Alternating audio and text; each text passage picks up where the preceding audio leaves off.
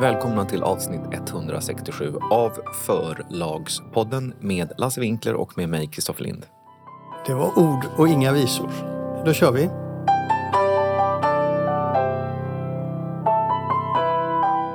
Och så börjar vi med det som är tråkigast. Och vad är det för något? det vet du väl? Ja, ja, ja, ja, ja. nu kommer jag på vad det var. Ja.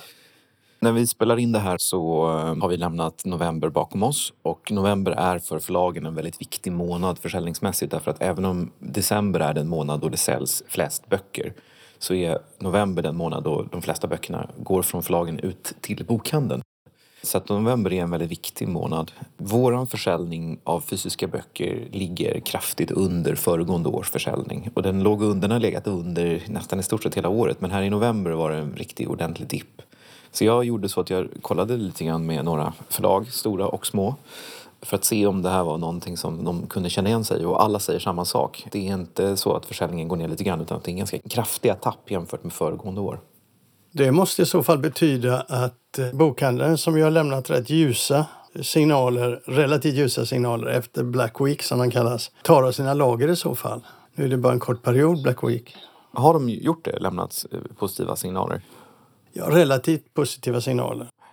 Alltså jag vet inte, jag kan inte svara på det. Sen jag har varit i kontakt med en fem, sex förlag då som ligger till grund för det här, några ganska stora. Men eh, det är inte någon vetenskaplig eh, undersökning utan jag har ju bara tittat på mina egna siffror och, och talat med kollegor.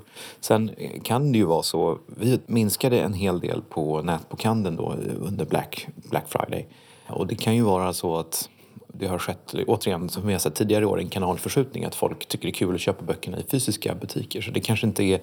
Och då kan det ju vara så att man köper böckerna lite senare. Det är ju inte skrivet i sten att det här kommer bli en dålig julhandel. Men det är ett väldigt tydligt tecken och det i alla fall för oss så kommer det vara svårt att ta igen det här i december. Men det här är ju som du själv eh, har sagt tidigare, det är ju så att vi går in i en lågkonjunktur och, och det är inte förvånande Nej, det är inte förvånande. Jag menar, det var väl en undersökning häromdagen som hade kommit fram till att en högt belånad villaägande familj kanske får upp till 15 000 ökade boendekostnader, eller 15 000 kronor per månad i ökade kostnader för både då räntor och, och el och såna saker. Så det är klart att man, jag tror absolut att vi kommer se att, att det skärs ner på konsumtionen i Sverige. Men då är ju bara frågan om hur mycket böcker kommer att drabbas av det.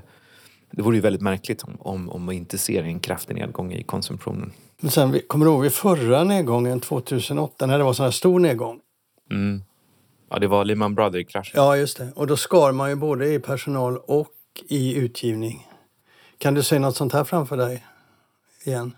Ja, alltså, inte för Lind Companys del vill jag, vill jag säga.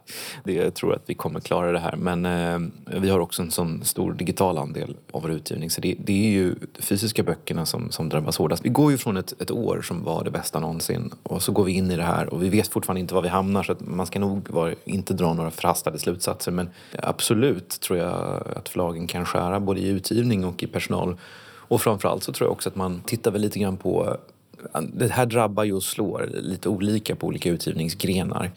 Barnböcker exempelvis har det rätt tufft nu. De har ju haft det ganska bra under flera år. Men där är det ju en perfekt negativ storm kan man säga för barnböcker. För att du har, det är väldigt dyra tryck och tryckkostnaderna är ju väldigt höga papperspriserna är fortfarande väldigt höga. Så det är väldigt, kostnadsmässigt så är de väldigt höga samtidigt som försäljningen viker och upplagorna redan från början var små. Så där ser man ju en, att det börjar bli tufft även för fackböcker så, så är det ganska tufft. Mm. Jag tror nog kanske snarare att förlagen eh, liksom ändrar om lite grann i sin utgivning än att man kanske gör stora neddragningar. Men det är alldeles för tidigt att säga. Det är alldeles för tidigt att säga. Men jag, jag minns inte hur det var 2008 faktiskt. Jag, min, jag, jag kommer ihåg Lehman Brothers-kraschen. Det var ju mm. hemskt i största allmänhet men jag minns inte riktigt hur det påverkade bokbranschen. Det påverkar jättemycket. Bonniers drog ner otroligt mycket, både på personal och på utgivning och andra följde efter. Och då fanns ju inte ljudet så att då kan du tänka dig att allt låg på, på papper. Så det fick stora, stora, stora förändringar i branschen som man sen har arbetats upp igenom igen. Och det är väl så man också får se det. Det här är ju som man följer konjunkturerna. Det blir svårt att inte göra det. Nej. Men vad som händer exakt den här gången, det vet inte jag såklart. Utan vi följer det. Ska vi stoppa där? Ja. För den här gången. Ja.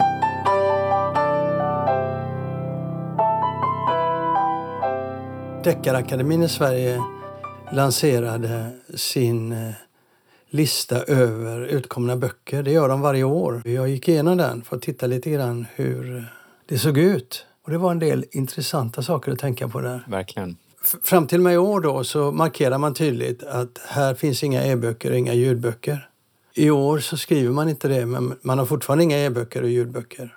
Alltså var de, har- de, det är alltså statistik över den registrerade utgivningen av deckare i Sverige, deckarkatalogen.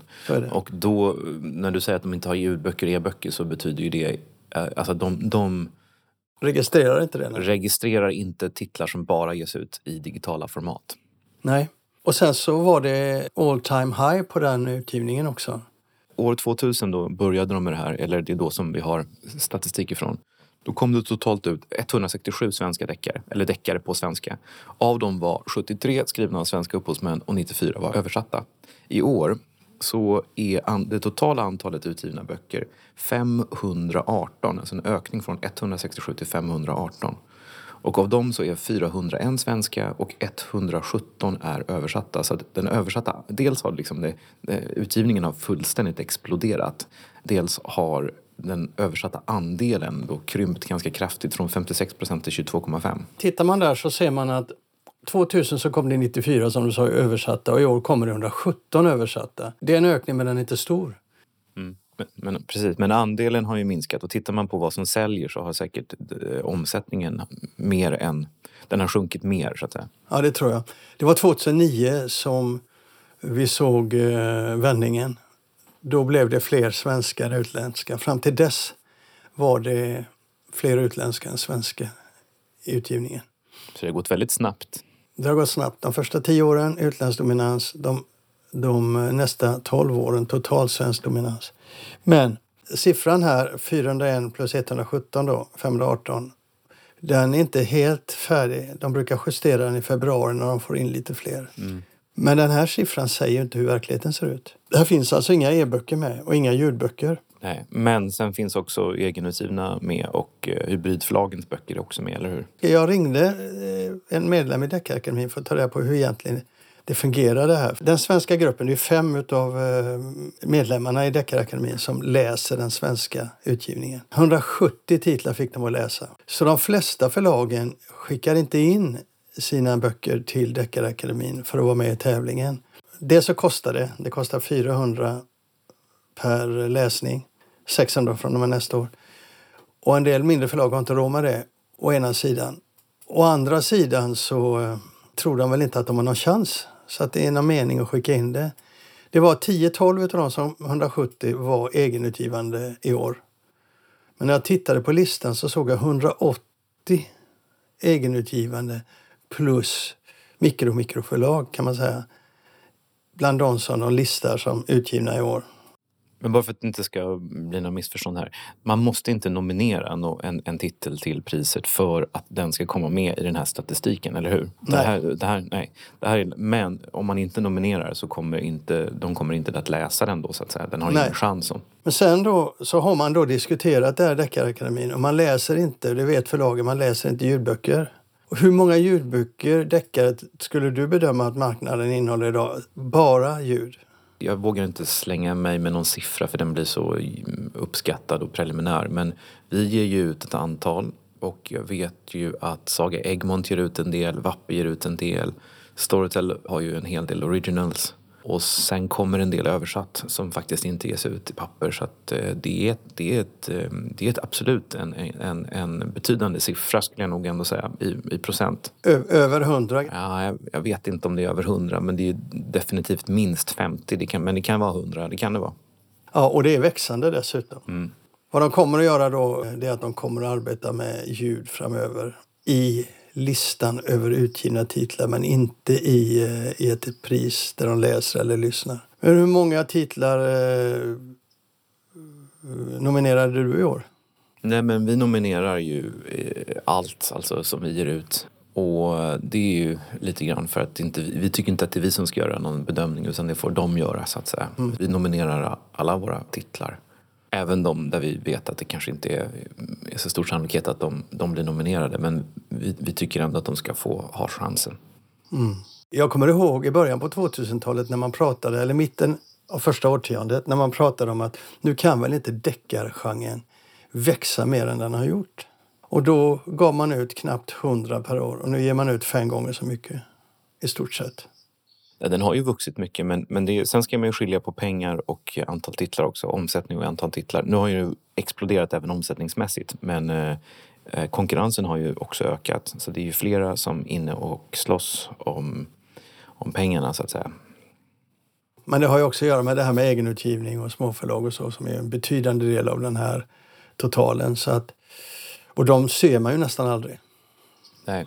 En stark deckarutgivning är helt avgörande för ett större svenskt förlags överlevnad. Det går inte att ha en skönlitteraturutgivning och inte ha deckare om du, om du vill ha en stor marknadsandel. Eller? Det fattar jag. Men jag Så menar att, att helheten Alltså överallt ges det ut deckare från enskilda författare, egenutgivning ja. till småförlag, till mikroförlag, till stora förlag. Alla hoppar på den här, nästan alla hoppar på den här trenden. Ska vi byta ämne? Vi byter ämne.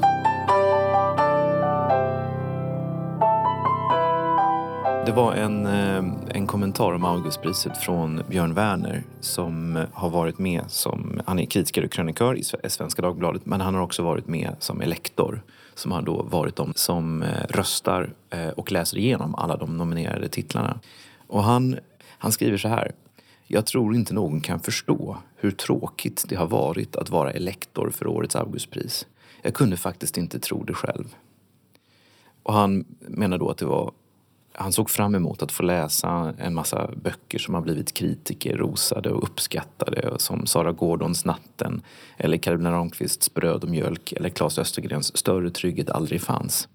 Men ingen av dem var nominerade och eh, han säger att tråkigt är just vad jag har haft varenda lediga stund den senaste månaden. Jag har tvingats mig igenom vad som ibland känns som oöverstigliga textmassor av ljummen, odramatisk prosa och lyrik. Och han undrar lite grann var om juryn har missuppfattat sitt uppdrag. Han skriver att lyfta fram ett antal bra böcker för en bred publik. Här verkar syftet istället ha varit något annat, något duktigare. Kanske att anlägga ett kvinnoperspektiv. Fem av sex författare är kvinnor och berättaren är uttalat kvinnlig i lika många av böckerna. Ja. Ja, det var, en, det var en sågning som jag tror inte jag sett på jag vet inte hur länge. Och en insider så att säga. Man ska också veta då att Björn Werner också varit i många år eh, kulturchef på Göteborgs-Posten. Han bytte nyligen. Mm. Så att eh, han har en bakgrund inom eh, kulturen som är rätt lång. Han har ju i alla fall en överblick över vad som ges ut och så.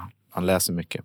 Det ska bli intressant att se ifall någon vill eh, ta den kastade handsken för det är verkligen en debatt som borde föras. Du håller med honom eller? Alltså jag kan ju inte utifrån min erfarenhet hålla med om, för jag har ju inte läst de böckerna han har läst. Jag har bara konstaterat, jag läser inte de böckerna. Och så är det genomgående nästan. Det är någon enstaka som jag läser då och då. Jag bläddrar i dem och tittar i dem men fångas inte. Men å andra sidan så är jag ju kanske inte målgruppen, eller det vet jag inte, men oavsett eh, vem som läser och hur man läser så skulle man vara intresserad av det här samtalet. Därför att eh, man måste kunna prata om det man gör. Inte Förläggarföreningen, men de som sitter och har suttit i de här grupperna och läser. Och kritikerna, de borde titta på det här. Jag hoppas att det blir en stor debatt, men det blir väl inte det. Men intressant är den. Alla borde läsa den artikeln. Nu när vi spelar in det här så kom den precis. När vi sänder på måndag så får man titta tillbaka på onsdagens Svenska Dagbladet. Ja, man, det kan ju varit så att det satte igång en debatt, vi får se. Men jag tycker också att han har en poäng. Jag har läst Ida Genbergs bok, tyckte mycket om den. Men i övrigt så är det många böcker som, är, som har blivit nominerade som jag inte har läst. Förr i tiden så var det ju så att man hade läst de, hälften av de nominerade. Så det finns ju någonting här. Alltså det, det är mycket som man inte vill läsa. Och just det här med att det verkar finnas någon slags duktighet i själva urvalet tycker jag mig också liksom ana. Att det är en bok om ditten och en bok om datten som man tycker är angelägna ämnen. Men det är ju så svårt att komma med en svepande kritik om ett urval av titlar som man faktiskt inte har läst. Mm. Men utgångspunkten känns ändå väldigt intressant i hans kritik. Apropå då, eh, vad heter det, Augustpriset, så fick ju Bertil Falk, grundaren av Bokmässan, ett hederspris i år. Mm. Mm. Och jag var en av dem som fick tydligen, jag trodde det skulle vara massa som skulle skicka hälsningar till honom på videolänk och så. Jag var en av dem i alla fall som fick frågan och sa ja. Och då plockade jag upp något som jag tycker är rätt viktigt. När man tittar tillbaka på Bokmässan och tänker på hur den sett ut de senaste 15-20 åren så är det svårt att förstå hur det var att en gång starta den, att komma som en outsider och starta en sån idé som ingen ens hade kunnat tänka sig innan. Ingen hade ens i sin fantasi drömt om en sån sak. Det blev också en fråga om eh, makt när den startade. I början var det bara roligt alla kom, men sen blev det frågan, ska det här vara Göteborg? Ska någon utanför branschen ha makten över detta? Mm. Och han fick slåss rätt hårt genom åren. Och inte minst mot kultureliten. De största kritikerna var ju också de största, alltså de största kulturkritikerna i media var också de största kritikerna av Bokmässan för den var för kommersiell då. Och han fick slåss där också och han gav sig inte där heller. Och sen så fick han de stora förlagen mot sig för, av kostnadsskäl och av intresse av att flytta Bokmässan till Stockholm där de hade bättre koll över den. Så det var väldigt mycket kamp och det var väldigt mycket konflikter till och från. Och det ser man inte idag. Man förstår inte storheten i hans arbete om man inte förstår just de sakerna. Eh, vid sidan om vad Bokmässan sen har gett också. Sen blev ju, det gick ju så långt så att han kämpade ner all kritik eller bemötte den och anpassade sig delvis. Men framförallt så blev hans största kritiker så småningom också hans största supportrar. Det, det, det, här sa ju jag i, i den här hälsningen, för jag tyckte det var viktigt. Men det säger också en del, eh, en del när den här i början farliga idén då hade etablerat sig och ble, visade sig vara en bra sak så kom branschen till. Sen gjorde de en del eh, uppror.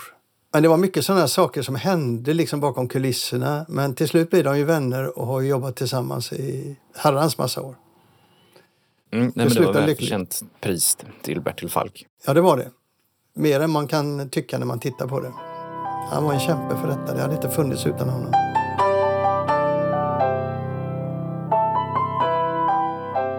Konkurrensverket i Norge har dömt de fyra största förlagen till en sammanlagd bötessumma på en halv miljard norska kronor. Mm, till och med 545 norska kronor, miljoner. Ja.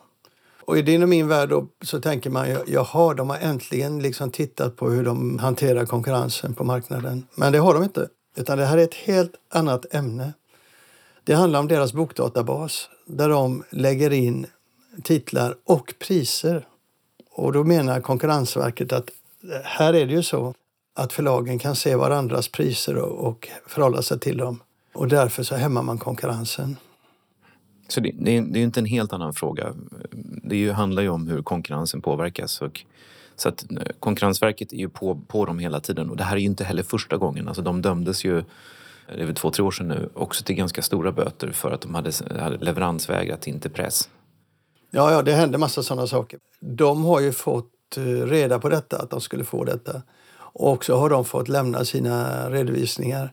Och ändå, trots att de lämnar sina redovisningar förklarar vad det handlar om, för förlagen tycker detta är helt tossigt, så har Konkurrensverket gått vidare och eh, stått, fast vid eh, bötessumman. Det här kan ju överklagas sen, och det kommer att göra. Jag, jag kan bara nämna vilka belopp det rör sig om för de enskilda förlagen. Det är fyra förlag som, som drabbas och det är enorma summor. Kapellendam eh, ska betala 131 miljoner, Gyllendal 252 miljoner, alltså en kvarts miljard. Vigmostad och Björke 93 miljoner, Askehaug 65 miljoner. Det är mycket pengar, men vad tycker du om själva sakfrågan? Alltså, jag är ju av uppfattningen att de norska förlagen hela tiden är och tassar i eh, vad som är tvivelaktigt ur konkurrenssynpunkt. Men dels är jag ingen jurist, dels kan jag inte norsk konkurrensrätt.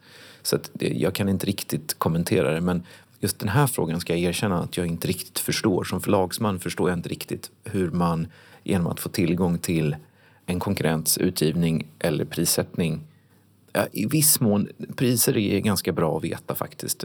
Man kan ju göra priskarteller och sånt, alltså omedvetet. Om, om vi visste att alla höjer sina priser si så mycket, då kan vi göra det också. Och så vidare. I viss mån kan det påverka, men jag kan inte riktigt förstå hur den här tillgången till metadata har en sån stark eh, konkurrenspåverkan som Konkurrenstillsynet påstår. Men jag är fascinerad och jag tycker det är kul att de är på bollen i alla fall. Ja, alltså om du jämför med Sverige då, så finns det en bokdatabas i Sverige också. Och där lägger man in titlar. Man lägger in alltså metadata som det heter för böckerna. Men man lägger inte in priser. Gör man det? Nej, vi kan inte se konkurrens. Alltså man lägger ju in priser men vi, förlagen kan inte se priserna. Då måste man gå in via någon bokhandelsinloggning. Jag vet inte vad, hur, hur priserna sätts eller hur de ser ut på, på konkurrerande förlag. Det är intressant. För så hade man ju kunnat göra i Norge också. Men det, fall, det är liksom... Eftersom de har en sån syn på konkurrens så, så ser de inte det som ett eh, problem. Förlagen har aldrig sett detta som ett problem. Nej.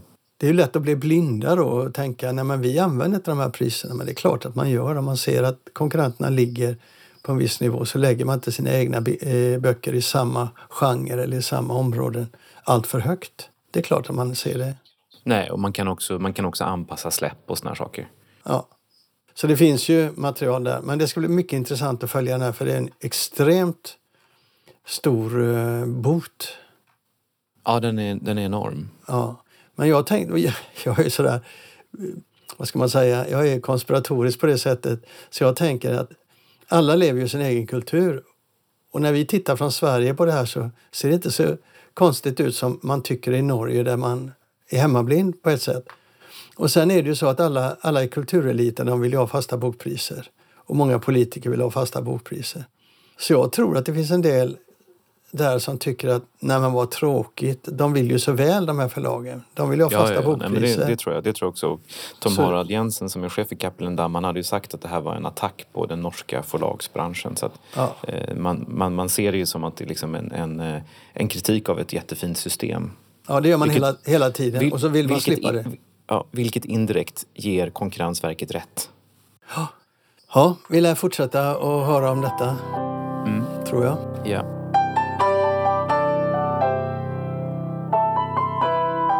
Du, nu har vi kvar det sista inslaget och det är ett samtal med VSOY, alltså finska Werner Söderström, Bonnierägda förlagsgruppen som är den största på allmänutgivningen i, i Finland. Ja, där ingår även Tammy. Ja, det säger du varje gång vi pratar om det. Men... Ja, du, säger, du säger bara Vesag som om det var Vesag, men Tammy är också ett ganska stort slag. Det är helt enkelt Bonnier i Finland. Det är deras VD Timo Julkunen som vi pratar med.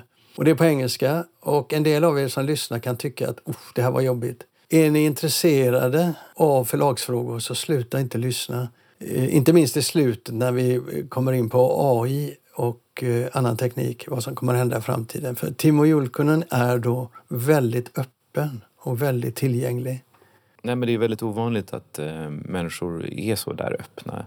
Mm. Eh, så det, var, det blev en lyckad intervju och intressant på det sättet. Han talar väldigt fritt och han ville absolut inte lyssna igenom den heller efter, i efterhand. Här kommer då vårt andra inslag från eh, Helsingfors som vi var i för några veckor sedan. Och fick en rätt bra bild av eh, hur läget är. Och Timo Julkunen som vi har här nu då, han sammanfattar det rätt bra. Men här kommer alltså samtalet med Timo Julkunen. Här sitter vi alltså i Helsingfors och spelar in en intervju med Vesorgs VD Timo Jultunen. Och han berättar hur den finska marknaden ser ut från Bonniers sida. Han berättar också hur han ser på utvecklingen. Och det är en historia som är lite annorlunda än den svenska eh, marknaden. Och därför är det väldigt intressant att lyssna på den här rösten. För det är så att säga den mest avancerade rösten i Finland. Och eh, i ett av Bonnier eh, Books mest framgångsrika förlagsgrupper. Just det, och Bonnier är alltså störst på allmänutgivning i Finland. Vilket gör, gör att utblicken blir intressant. Mm. Nice to meet you, Timo. Nice to meet you. And also here is Christopher. And for the Swedish listeners, we, we should probably say that Vesoy uh, is owned by Bonnier. And Vesoy is also also includes Tammy. Yes, Vesoy today is uh, Bonnier actually, the first bigger ownership was Tammi, and then they bought WSOY like uh, 13 years ago. So after that, it's a big publishing house. It's owned by Bonnier. We, we have um, met with lots of people here in Finland. You're the last person that we are meeting. Yeah. And um, when we ask if Bonnier or Otava is the biggest publisher, we always receive different answers. I, I would say that, uh, and, and, we talk here in, that WSOY is the largest publisher. That is actually fact when it comes to general literature. Otava is bigger if you took pure financial numbers and including uh, printers, school books, Yeah. etc. I asked the same of um, Eva Rempe, Yeah, the new CEO, yeah, co- incoming CEO for Otava. Yeah. And she said, we both say we are the biggest. yeah. yeah. That's probably something to do how, how we both have a bit of a different strategy, the angle where we look at. But Yes, and but the rest of the of the trade, yeah, we've been talking to publishers from the other houses, and all of them say, I think that Yes. WSOY is the biggest. And they also say that there's a different culture in those houses. that is- Absolutely. yeah. And uh, they also say that WSOY, no, that Otava is a bit harder. Yeah. But let's start with you bragging about uh, your how you look upon the the trade. Yeah. I mean bragging. I mean you're the biggest, so you're, Yeah. you're entitled to brag. exactly. And we have had a good trend. So we, we are. I'm very proud how our our um, publishing units has worked during the recent years because we have a we have a quite enormous growth rate uh, last five years. Meaning, Meaning we we we went to. Uh, from uh, 34 million euros to towards 60 million euros turnover. We are this year 58 to 59. yeah, That's a lot. That's a lot. yeah. And some of that happened with the acquisitions, but also the organic growth was very big during those years. So, and, and this was our strategy, what we set something like uh, 2016, 2017. How big a part is digital for you?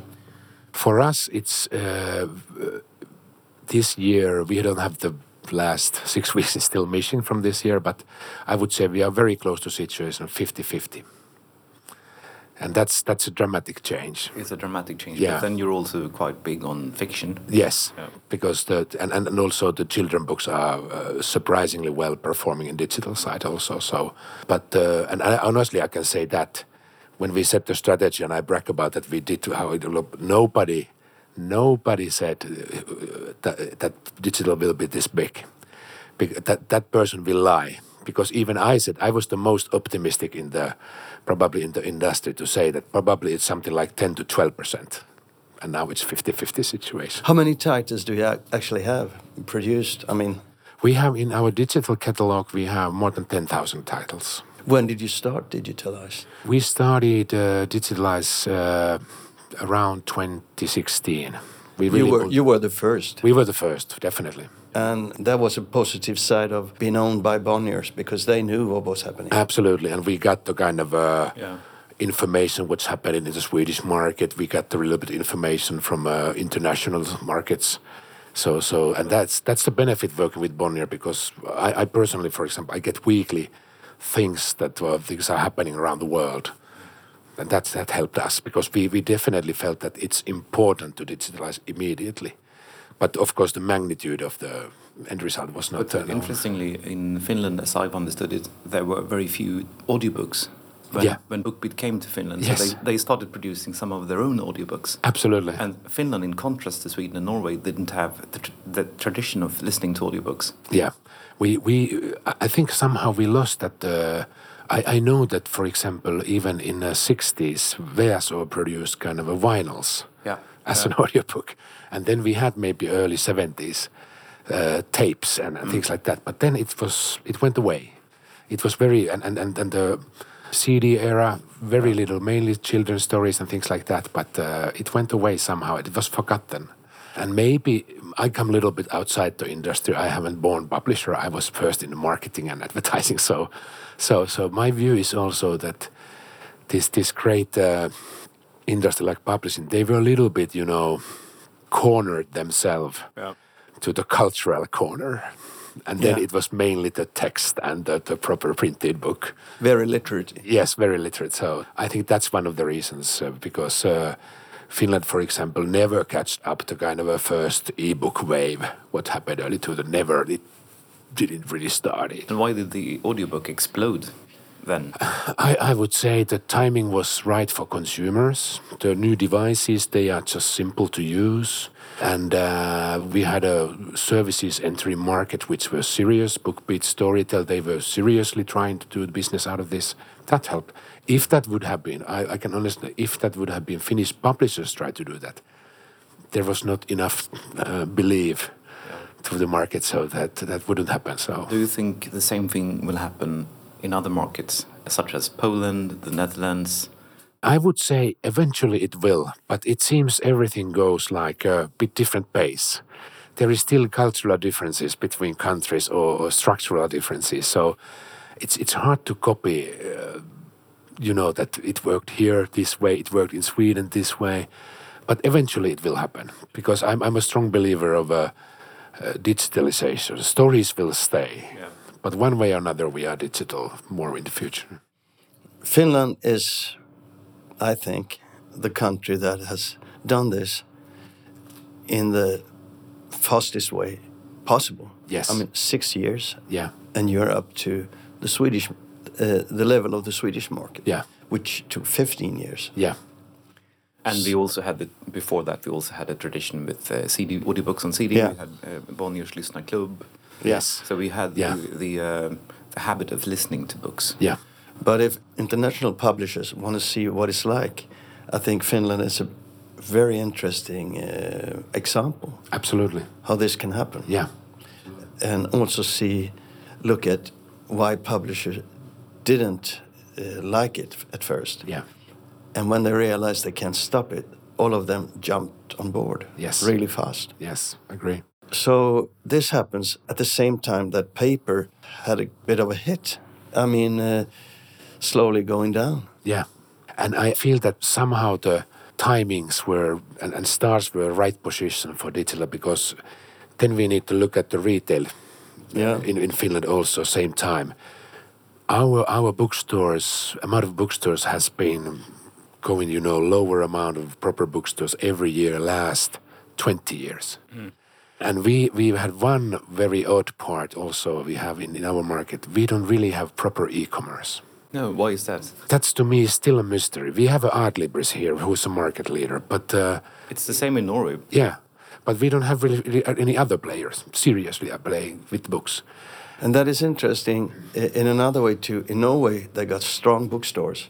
You don't have strong bookstores. Exactly, The biggest um, chain is uh, Suomalainen kirjakauppa. exactly, Finska bokhandeln. exactly. They have 60 stores. Yes, And they've changed from being bookstores to be everything stores, more or less. absolutely. There is there. If you if you go to the Suomalainen bookstore today, you you face up towels, you face up uh, soap bars, Yeah. all kind of things. And I'm of course looking from the book uh, publisher uh, point of view. I, I don't really like that development because I have a feeling, and also our consumer studies show that when you want to go to the bookstore, you want to have to look at the books Yeah. not anything else. And that this is a bit of a mystery uh, to me that is this the right direction? And, and coming back to that retail change also is that the e-commerce is, I think, whole industry, when e-commerce started early 2000, they never wanted that to happen. That's partly the reason. Digital part, the streaming services, they entered, there were strong players who entered to market, consumers were ready. I feel people in, in Finland also for e-commerce for printed books, they are ready. But nobody really wanted that to happen in the industry. And then somehow, you know, the the amount of stores went down and timing was right for digital. That's why we went five years up. And uh, what I have told my my uh, teams here that we should never go to that kind of a place that we are in that cultural corner and lock at door there because we should listen to consumers even does that sound a little bit to marketing and advertising, but consumers, if they decide something, we are not in the position that we can say that no, no, you're doing wrong way, because we need to listen to them, and that's why digitalization happens so fast. But I'm worried, of course, that the bookstores situation at the moment, the amount of proper bookstores is way too low in Finland. What is giving me the positive uh, thinking uh, still around it that we, we just finished two days ago our this kind of annual bigger consumer study. And according that study, consumers still want to consume print and they want to go to bookstores. So we just need to offer them appealing places to go. So you see, you say that, and you see that, but still, there's a bit struggle in the market. Absolutely, and this will be a struggle. In a, I see now now the current economy and uh, how how consumers are thinking, but this will, if we want to have our bookstores mm, back on track, it will take years. It's not something that it's it's fixed for next year. So Another question I have when it comes to digital and, and print is, do you print all your digital books? I would say we print still today more than ninety five percent. You do have an, a a digital list with only digital books. We, we have we have started that just Yeah, recently, yeah. and I see that becoming bigger and bigger. But I- still, still we do kind of a because it's relatively small market. Yeah. When when we buy the, for example, the rights for the foreign title, I would say very rare that we could we could still think that it's only digital Mm. to make it profitable. So we need basically all formats. But I see we have already the kind of a digital first initiative. Yeah. And that will happen uh, more and more in the future. I'm glad to hear that. In Sweden, we, we do publish lots of books Yeah. in digital formats only, exclusively, but we are the only big publisher that does it. And most publishers, they publish all the books in all formats. yeah. And the print runs on, on physical books in Sweden on commercial fiction is they are so low. Exactly. So it's not. Uh, we are doing it mainly Yeah. to make the, the authors happy. Yeah. And to, to get the rights. Yeah. Sometimes same with us. But and, and now actually this is good very good question because this is one of the kind of uh, burning questions for us also from the now in the economy perspective because print paper is becoming So uh, more expensive basically every month. So I'm thinking now that from the strategy perspective, basically I almost daily that will now happen kind of a faster than we thought change to more digital because also the kind of a circumstances that paper and logistics and everything is just more expensive. Because I, I saw that coming maybe end of 2020, uh, closer to 2030. But now, because of this, uh, where where the prices are, the inflation might speed it up this development. That that's that that can happen. We can't, of course, forecast that for sure, but I think that will speed it up the development because we can always think that prices are coming down back one day, but uh, will it happen? Can you trust that for you? When you look at the digital market, uh, there is a truth, so to say, um, that it's only for commercial titles. Yes. But you are a country with a heavy history with literary Yes. literature. Yeah. And how does it work digital? Some of them work, some definitely not at all. And uh, we, as a, such a, such a history of, we are 150 years old publishing house soon, and then the, quite many of the big titles in our history from there. So, so I, we, we have basically made the statement we need to take care of both. And we can't let go the, also the kind of a literary side because of the commercial success. But we have to remember that many, many times, if we publish, let's say, one of our biggest names, Mika Waltari, his uh, Sinuhe book, uh, late 40s, was published. It was blamed too commercial by critics. And now it's a literary Gim. Kim. So uh, I have told that we need to look at this also this way that maybe something we publish today, which which is more digital even, is actually the literary gem 40, 50 years to. And this that's this way we need to look at it because hardly ever exactly exactly when the time when we are living, we can repeat what we do in the past and just go on like that. What do you think about the future of the trade? it's very very hard to forecast now what i believe is that the people still hunger for stories and information it, it seems that that's that's something that uh, books is almost like you know it's like water that they find their way we will have a new formats even even more rich formats in the future.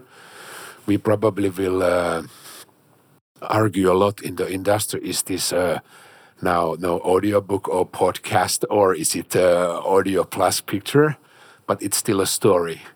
And we need to play that game along. We can't be the kind of uh, we actually have a very critical role because we need to build that also right way. But we can't be kind of a Naysayer. Exactly. Yeah, but but I I, I feel positive still. It's it's uh, we, we we might have some struggles to come. For example, what happens with the bookstores, what in current shape they are in Finland. If e-commerce is not picking up, I, I feel that it will eventually, even for for printed books. But uh, longer run, I feel I feel that we are a publisher in a way is in a good place in value chain.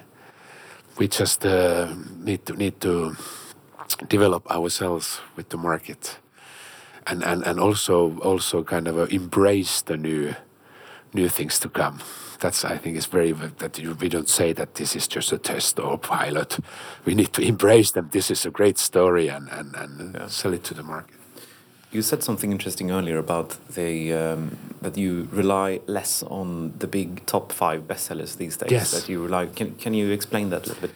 That has changed. That's a big change because I joined. Uh, Verso now actually 10 years ago as a CEO and even that time everybody was talking you need to have in a basically annual top 10 list if you have a three four titles everything is fine and that was, of course, based on the different market. They were the top five titles were selling tens of thousand copies, even in the small Finnish market. But now, when we have a streaming services, it has changed that actually it's more relevant to have a relevant share of selling titles from top 200. Yeah. And top 10 has come down.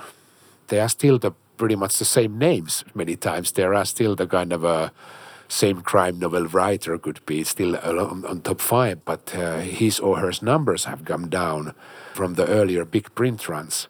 But the top 200 is selling many times more than top 200 10 years ago. It is exactly the same in yeah, Sweden, and, yeah. and I think this is something that digitization that just changes the market. The, yeah. digitization. Is it another thing that we have seen in Sweden is that digitization has made the publishers more profitable? Mm-hmm same here, at, at least with us, it has paid. We have a, as I said earlier, that we have a great run of five, six years, and, and we have done uh, our record result years last two, three years. So yeah. we are very happy. We do double digit uh, result yeah. at the moment. Um, it was not the case in uh, double. Di- how how exactly how many? We, we, we had last year our uh, result was uh, fourteen percent. Oh, that's that's really good. That's really good. good and that was our record. Yeah. And we said that uh, that's probably partly uh, related to COVID years, and and and uh, we were extremely efficient. No traveling, no mm. no any any any bigger um, uh, book fair costs yeah. and things like that. But uh, but even this year, it's it's going to be double digit. Is it 10, 11, 12? We don't know yet, but uh, seems to be going that but direction. it's a it's a substantial part of the uh, Bonnier book. Absolutely, Bonnier books profit. Absolutely, mm. we are considered today for Bonnier very very uh, good country and very good publisher. So is it the third country or no? We are probably uh, Germany is definitely number one. Huge. Sweden is number two. Sweden is number two, but we are not that far from Sweden anymore. It's it's twice bigger because of the market many times, mm. but uh, I would say we are very close to same maybe the margins nowadays. So yeah, yeah, and that has been the strategic goal. So we want to be, and and I I believe that uh, in this industry you can be both. You can do the, you can change the culture. You can do the titles which are changing our industry, but you can be also profitable. Is there anything you think we should have talked about that we have missed? I think one thing is, uh, which is time to time popping in my mind, that because publishing industry is very, very many times considered a, a local market, country-based market, and and of course in other industries, digitalization has made it happen that you know, music and everything travels much better yeah. from service to a service than a country at another. And I feel this change might happen also in book industry because, because you know, uh, let's imagine if I want to do tomorrow a book with the German language, I can have it in hour to all major services in Germany without maybe selling the rights in between or with a little help, uh, but much easier than the kind of old print-oriented world. And this might also be a surprise to book industry in the future. How do you mean? Uh, so because because we have we have for example sometimes that uh, we have a great title here for let's say we have a huge seller of a, a children book Yeah. which is relatively easy to do the production to whichever language we want but we have never been able to sell the rights no.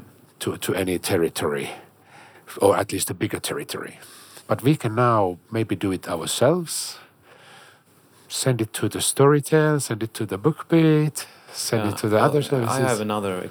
I have an experience of this because Yeah. Linden Company we publish books in all the Nordic languages, but also in Polish and Dutch. Exactly. And ac- actually even French, and uh, we see that publishing digitally is the same thing as publishing physically. You have to have the local touch. Yeah. Um, the markets are different. You can't take Swedish books and just push them out. Yeah. A bestseller in one country is not necessarily a bestseller in another. Absolutely. And, and, and of course, it's not automatic. And especially, we see that the gap is to, to how do you communicate in that market Yeah. that we have such a, but, but the kind of a rest of the things. Another thing that we actually see is that um, the digitization makes publishing even more local because translations are less attractive.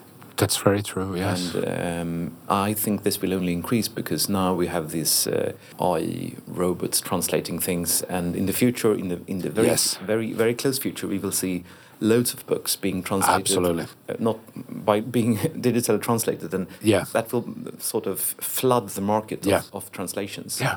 um, And make local authors even more important. And that's a very good topic to bring up the artificial intelligence. Yeah. That will change for quite a many things which we don't realize yet. It's, it's translations, But also readings. readings, mm. audio can be, you know, piece of data which is algorithm just using it, but it's still recognizable voice. Then it comes to question who owns the rights for the voice and things like that. Yeah. One, I have seen a couple of examples even for illustrations, how um, AI is working there. You still need kind of a human in between that, but you don't need to maybe draw something because the basically software is doing that. So, so these things will happen uh, much faster next five years than the past five years. Yeah. And the, these are th- that's very good topic to, to artificial intelligence. I think we should think about that much more than we do. Have you started translating books with artificial? We have done a couple of text Yeah. trials, and we have had a couple of trials with the, with the voice. And I have to say, especially with the voice, I was definitely not anymore able to see the difference very clearly. Really? Yeah, it's so advanced. Text, I would say, mm, it works, but now it's kind of a, is it good enough? Mm. Yeah, but it will be good enough, is my view. It, it, they are developing so fast. We are many times, and in this industry, afraid of this. But I have always thought that there is always human touch in between. So this is not going to be kind of a second world which is working automatically. But we can't stay outside of that development also, because then we are eaten by someone if we if we stay out. And the last question. Yes. You saw that Otava bought a stake in Storytel. Yes. What is your view on that? What do you think they're going to do with that, or why did they do it? I think it was well. well I haven't. Uh, I, sometimes talk even with the, with Otava management closely about, but I, I believe it was it was like they they publicly said that it's a, it's an investment. Maybe it was the right time to do pure investment because Storytel share was quite low after a couple of years. And uh, partly I see that's a change of strategy because I think uh, Otava hasn't embraced that much digital compared to us, for example. And that changes that uh, strategy part I see because uh, I can't say that uh, they could anymore, uh, in a way, uh, say that digital is not important in the future because you are owner of one of the, the biggest channel in Europe actually now. So, yeah, Timo, thank you. thank you. Thank you. Thank you.